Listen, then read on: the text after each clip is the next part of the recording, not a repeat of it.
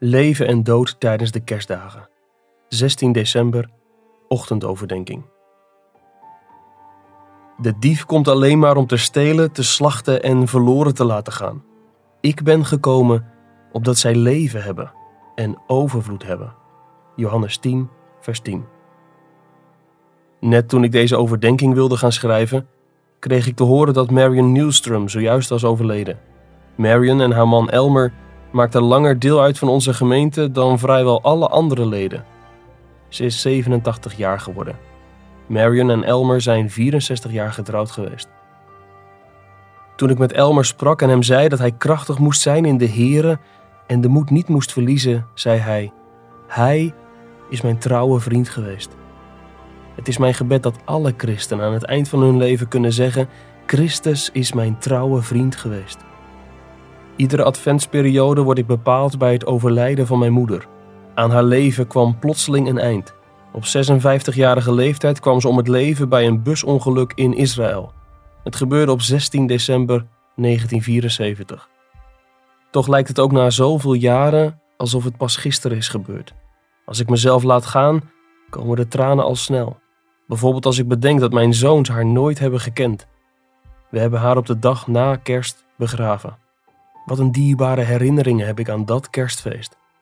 Vaak voelen we met kerst het gemis van onze geliefde veel sterker dan op andere dagen. Verdring je verdriet niet. Laat het maar komen. Geef je gevoel de ruimte. Liefde versterkt onze emotionele band immers, zowel met de levenden als met de doden. Maar raak alsjeblieft niet verbitterd. Het tragische van verbittering is dat je jezelf ermee kapot maakt.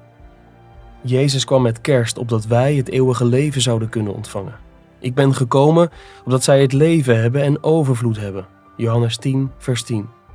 Elmer en Marion hebben samen besproken waar ze hun laatste jaren wilden doorbrengen. Elmer zei: Marion en ik waren het erover eens dat onze definitieve woning bij de Here zou zijn. Verlang jij hevig naar huis? Tijdens de feestdagen hebben wij altijd familie op bezoek. Dat geeft ons een heerlijk gevoel. Ik denk dat zoiets zo heerlijk voelt omdat we naar ons diepste wezen gemaakt zijn om definitief thuis te komen.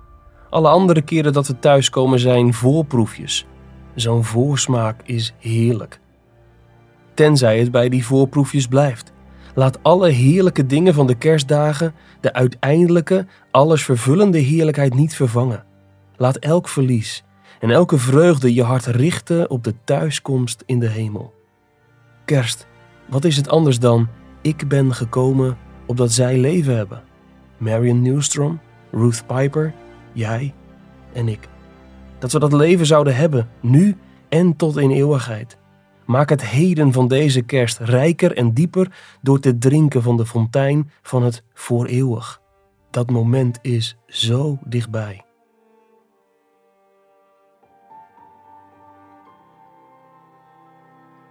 Je luisterde naar een overdenking uit het boek Onwankelbare Vreugde van John Piper. Het boek bevat 50 ochtend- en avondoverdenkingen voor Advent om je te helpen Christus centraal te stellen. Ga naar de webshop van Geloofstrusting om het boek te bestellen of ga naar onwankelbarevreugde.nl voor een online dagboek voor het hele jaar.